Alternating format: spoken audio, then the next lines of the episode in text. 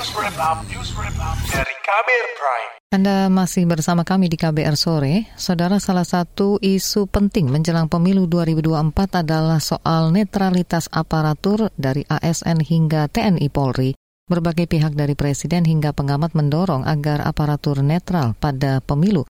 Namun implementasi atau pelaksanaan prinsip netralitas masih menjadi tantangan besar.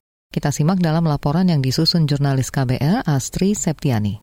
Akhir Oktober lalu, Presiden Joko Widodo memberikan arahan kepada seratusan penjabat kepala daerah terkait tahun politik 2024. Ia meminta para penjabat kepala daerah tidak memihak dan memastikan ASN di daerah netral selama pemilu.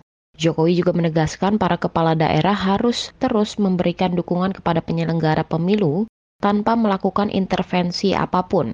Jokowi mengatakan akan terus mengawasi kerja para penjabat kepala daerah. Dan juga saya minta jangan sampai memihak. Itu dilihat loh, hati-hati. Bapak Ibu dilihat, mudah sekali. Kelihatan Bapak Ibu memihak atau enggak. Krik, udah.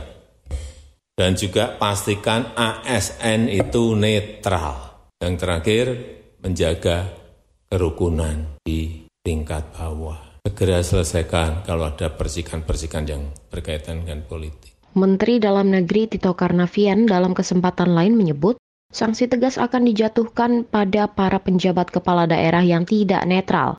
Namun Tito tidak merinci sanksi apa saja yang akan dijatuhkan pada penjabat yang melanggar.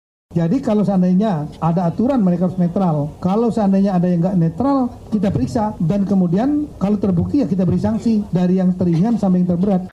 Tak hanya soal netralitas ASN, netralitas TNI juga terus didorong. Panglima TNI Yudo Margono mengklaim telah memerintahkan semua prajurit untuk menjaga netralitas TNI.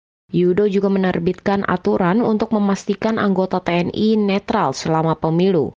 Aturan itu antara lain perintah untuk tidak memihak dan tidak memberi dukungan kepada partai politik dan pasangan calon mana pun, serta tidak melibatkan diri dalam kegiatan politik praktis. Dalam berbagai kesempatan saya telah menginstruksikan kepada seluruh personel TNI terkait netralitas TNI, baik berupa penerbitan regulasi internal tentang netralitas TNI dalam bentuk peraturan Panglima TNI dan sosialisasi regulasi internal TNI yang dilaksanakan secara terus-menerus.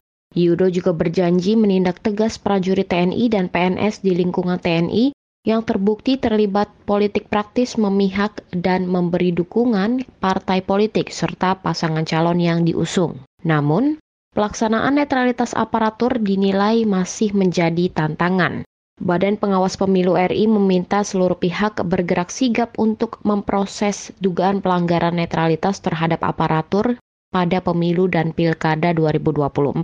Anggota Bawaslu RI Loli Suhenti mengatakan potensi kerawanan ASN pada pemilu mendatang masih tinggi dan menjadi tantangan besar yang harus dihadapi.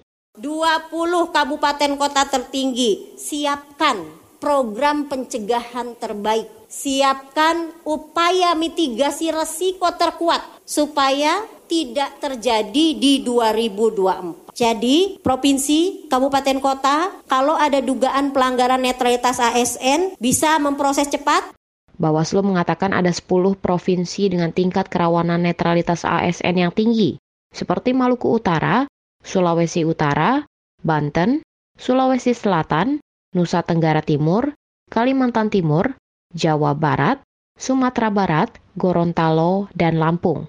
Netralitas aparatur juga menjadi sorotan Perkumpulan untuk Pemilu dan Demokrasi atau Perludem. Direktur Eksekutif Perludem, Hoirunisa Agustiati, mengatakan Netralitas ASN menjadi isu yang paling sering muncul menjelang pemilu. Ia juga menilai sulit untuk mewujudkan netralitas ASN pada pemilu mendatang. Jadi memang sulit untuk bisa yang namanya ASN itu betul-betul 100% netral ya sepertinya karena memang ada situasi-situasi yang membuat ya sulit untuk itu diwujudkan gitu. Misalnya ada perintah dari atasannya atau misalnya ada kekhawatiran nanti dia dimutasi atau misalnya nggak naik pangkat dan lain sebagainya. Direktur Perludem Hoirunisa Agustiati mengingatkan kultur di lingkungan ASN bersifat hierarkis di mana bawahan sangat patuh terhadap pimpinan atau atasannya. Karena itu, Perlu diwaspadai peserta pemilu cawe-cawe melibatkan ASN untuk kepentingan peserta pemilu tertentu. Hoirunisa juga mendorong transparansi informasi dan perlindungan bagi ASN yang melaporkan mengenai pelanggaran netralitas ASN.